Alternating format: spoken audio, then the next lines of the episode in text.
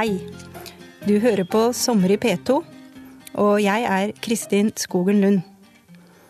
Et av de største privilegier jeg har gjennom familie, jobb i Telenor og verv som president i NHO, det er at jeg møter fantastisk mange spennende mennesker. Mennesker som har vist mot, satset og fått til store prestasjoner. For mange er de kanskje ikke så kjente, men de har tatt valg i livet som gjør at de hver for seg representerer sterke historier som jeg gjerne vil dele med dere. Selv om de som personer er eh, veldig ulike, så har de det til felles at de alle har noe ekstra. Noe spesielt som gjør at de har satt og setter spor etter seg, i hvert fall hos meg. Så derfor tenkte jeg at jeg i dag skulle la dere lyttere få bli litt bedre kjent med noen av disse flotte menneskene, og forhåpentligvis også la dere inspirere av dem slik jeg er blitt det. Og så har jeg ikke tenkt å snakke mye om familien min, men jeg har det heldigvis sånn at det er foreldre og søsken og mann og svigerfamilie og barn som tross alt har inspirert meg aller mest. Så som en start, og som en hyllest til dem, så spiller vi 'Summertime' fra Porchy and Bess med ingen ringere enn Ella Fitzgerald og Louis Armstrong. Det er en nydelig sang som er sunget et utall ganger på sengekanten som godnattasang hjemme hos oss. Som eh, NHO-president så er jo min fremste oppgave å heie frem eh, næringslivet i Norge og sørge for at eh, vekst og innovasjon har best mulig vilkår. Og Derfor så er det veldig naturlig for meg å starte med å fortelle dere om en kvinnelig gründer som jeg møtte for noen måneder siden. Selv har jeg aldri tatt steget med å starte egen bedrift. Jeg har valgt en tryggere vei med fast ansettelse i større bedrifter. Men det er jo fortsatt ikke for sent, og kanskje er det også litt derfor jeg blir så ekstra imponert da, av de som tør å ta steget. Og i april så var jeg på besøk på NHO Telemark sin eh, regionkonferanse i Skien. Og en av de andre som holdt foredrag der, var denne gründeren som gjorde et helt spesielt inntrykk. Hun heter Astrid Skreosen, og som meg så er hun firebarnsmor. Men der slutter også mange likheter. Astrid hun var hjelpepleier på fødeavdelingen på Skien sykehus i mange år. Og hun irriterte seg stadig mer over at det var så ineffektivt å klargjøre fødestuene etter hver fødsel. Spesielt var det dette med at sengetøyet ikke passet til sengene, og det ble enorme mengder skittentøy etter hver fødsel. Så hun tok initiativ på, i forhold til sykehuset om at man burde se på å få innført engangslaken. Men hun fikk ikke gjennomslag for dette. Og etter en natt med fire krevende fødsler, så rant det over for henne. Hun eh, begynte den mentale prosessen eh, som endte med at hun sluttet og startet sin egen bedrift. For å produsere engangslaken til fødestuer på sykehus. Men dette var jo ikke bare enkelt. Eh, hun var hjelpepleier, hadde ingen utdannelse eller erfaring som skulle tilsi at hun visste hvordan man skulle lage en egen bedrift. Og hun trengte mye hjelp og råd fra andre. Men firmaet til Astrid det er i dag vel etablert. Det heter ASAP Norge. Hun har en egen fabrikk som er oppe og går. Laken er levert til flere av de store sykehusene i Norge.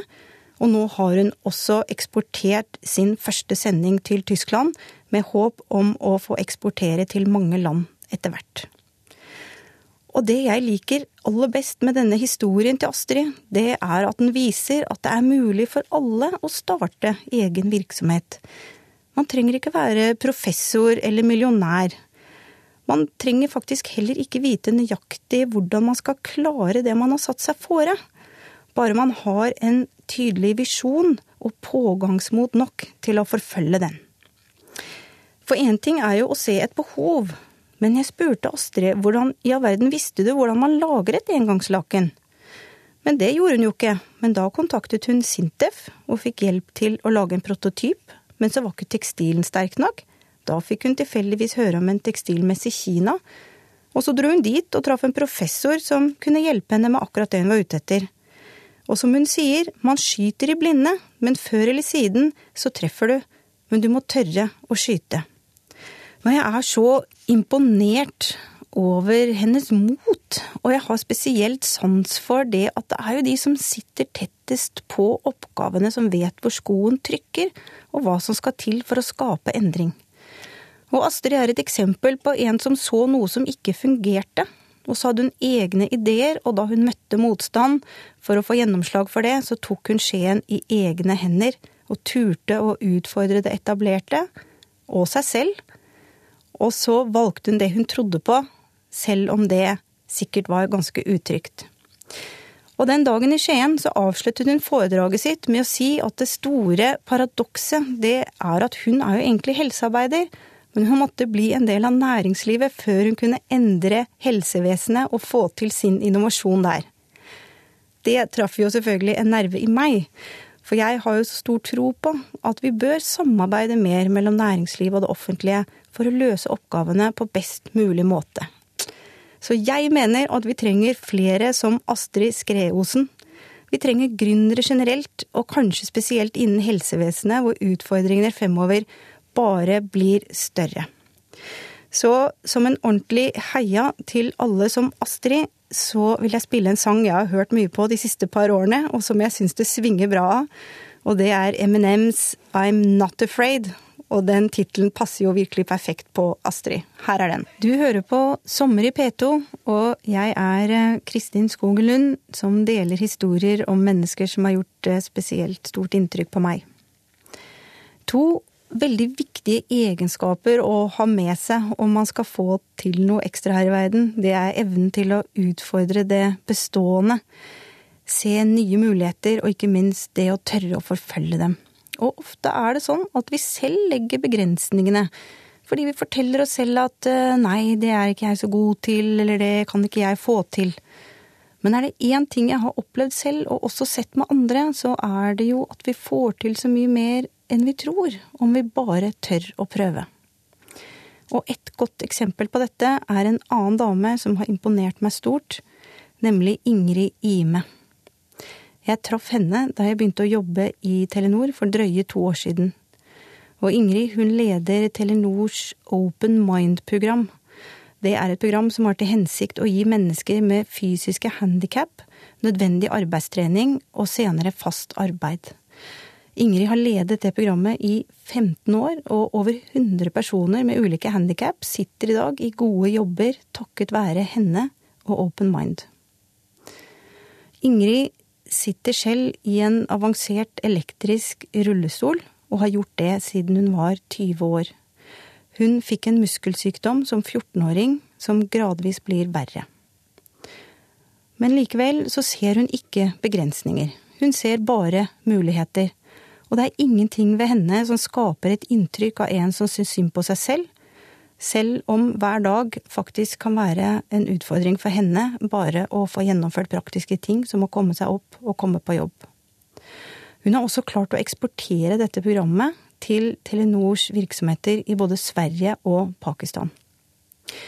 Og i en samtale med Ingrid for ikke så lenge siden, så spurte jeg henne hva det var ved henne som gjorde at hun hadde fått til alt dette på tross av de vanskelighetene hun da må overkomme.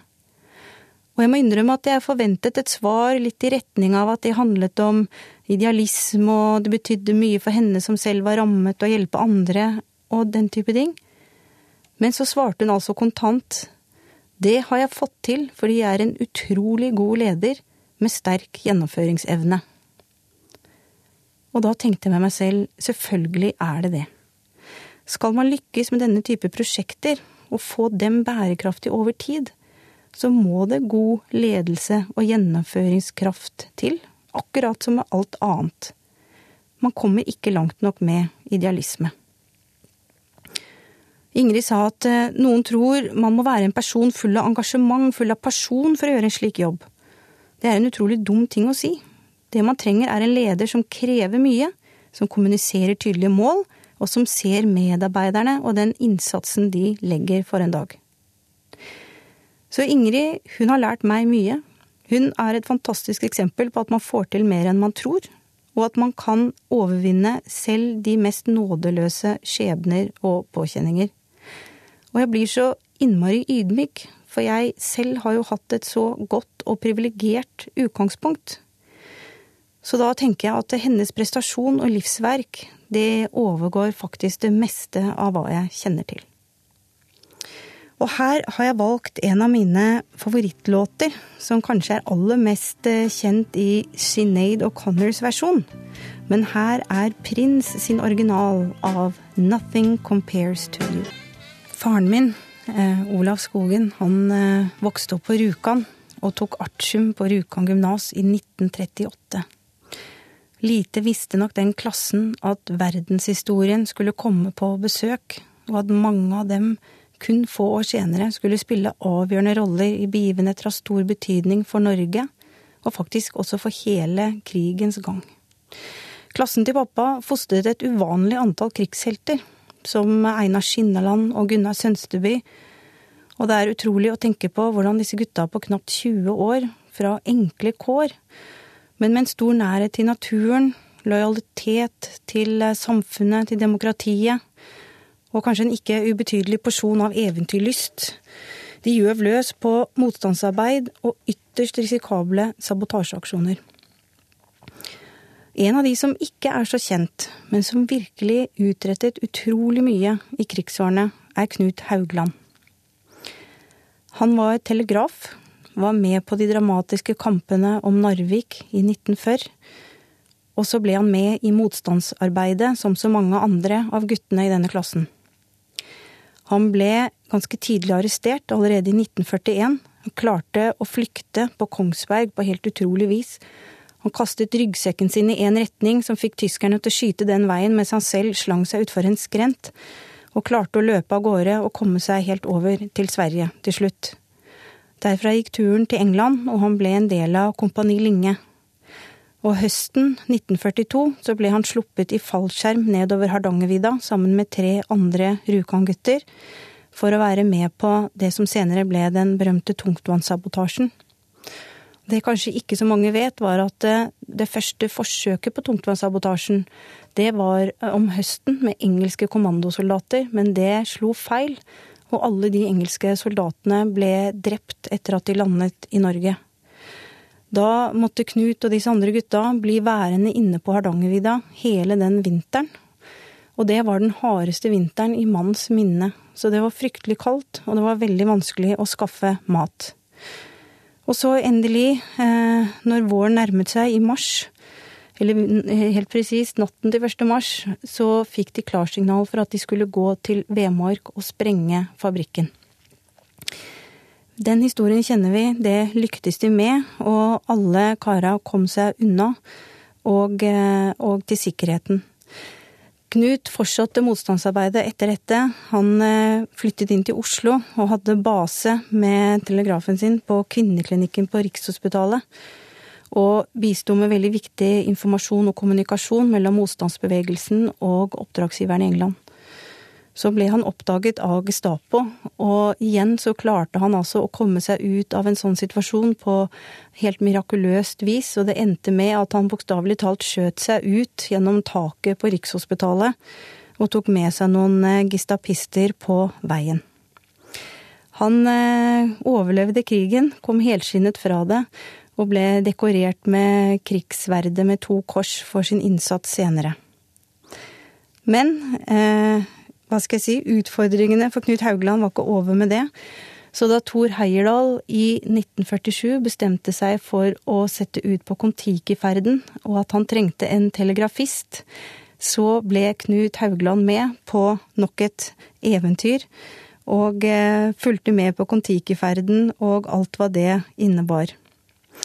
Og han viet senere hele yrkeslivet sitt til å være bestyrer på Kon-Tiki og Hjemmefrontmuseet. Og hvem var vel bedre egnet til å lede og fortelle om de to forskjellige tingene enn Knut Haugland? Han gikk bort for et par år siden, men jeg var så heldig at jeg spiste lunsj med ham bare noen måneder før det. Da var han 91 år.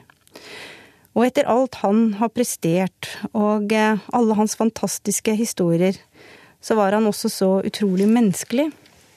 Og eh, da vi var på den lunsjen, så sa han en ting som gjorde spesielt inntrykk på meg, og det var at han sa noe veldig pent om min far.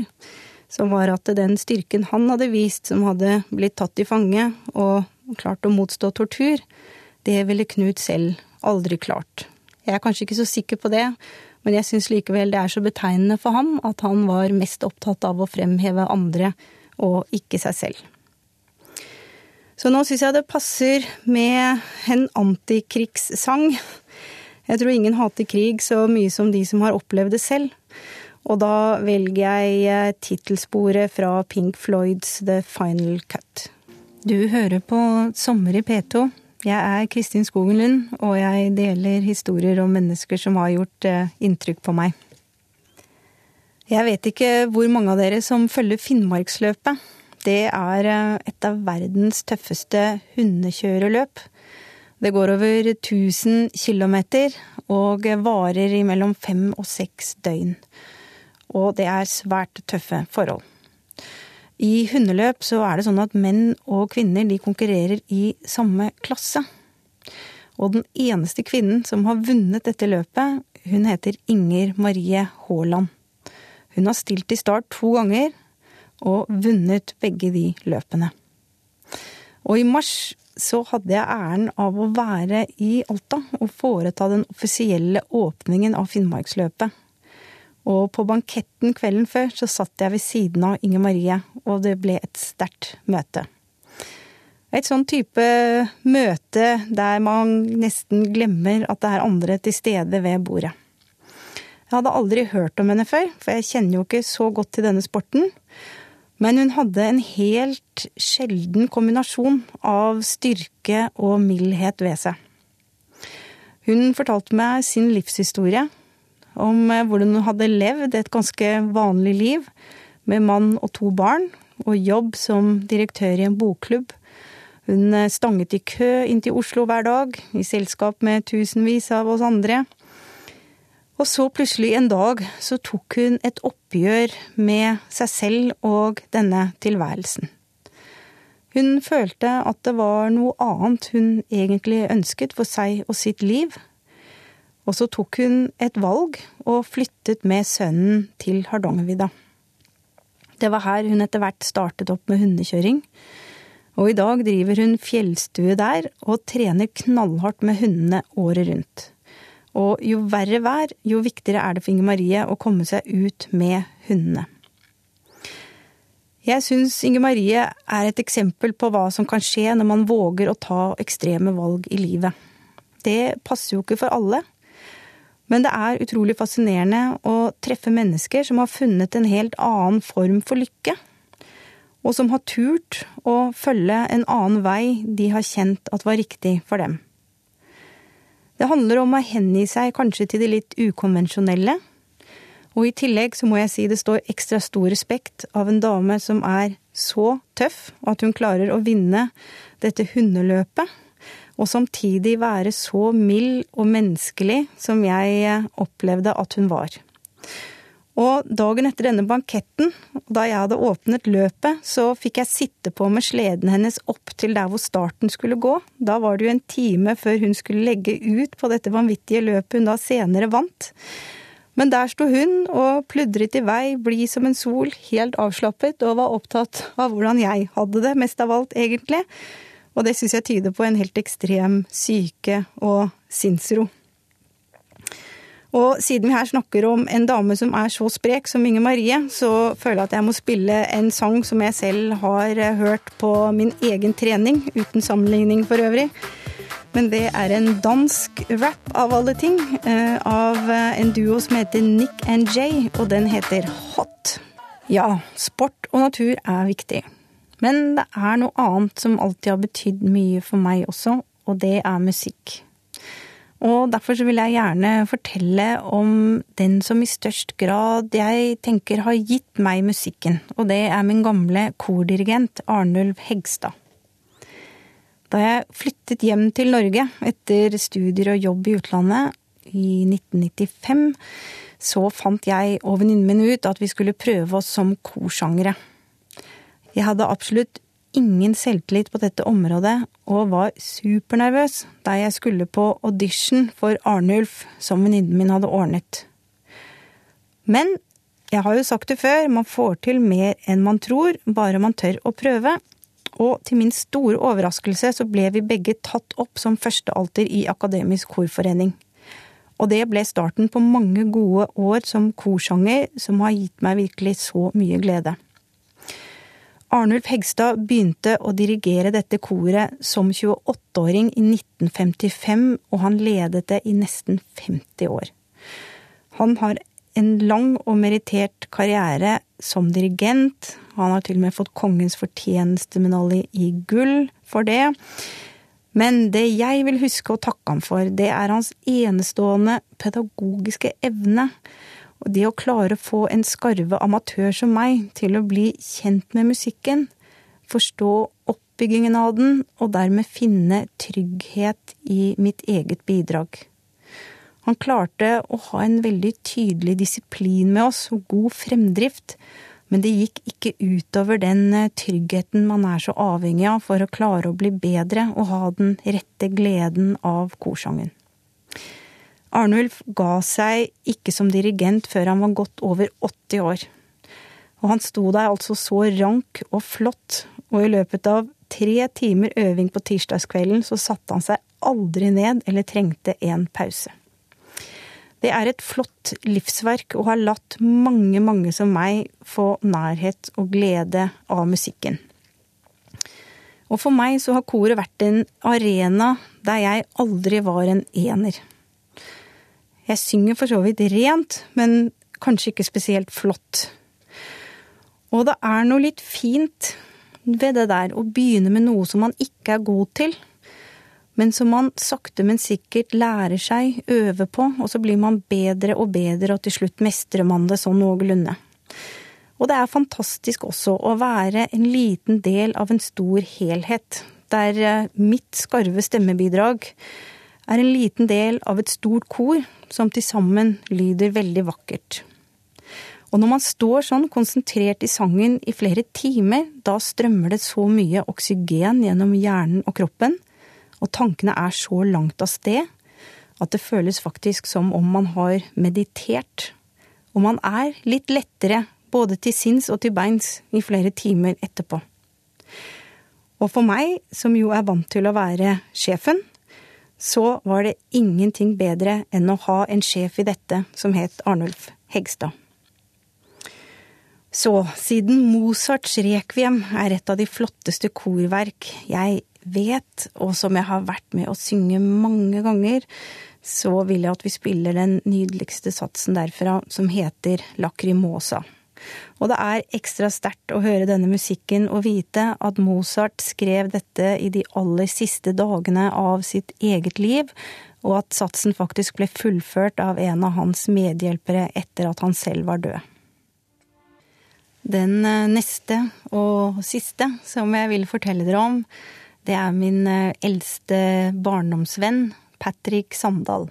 Og det er en litt annerledes historie igjen.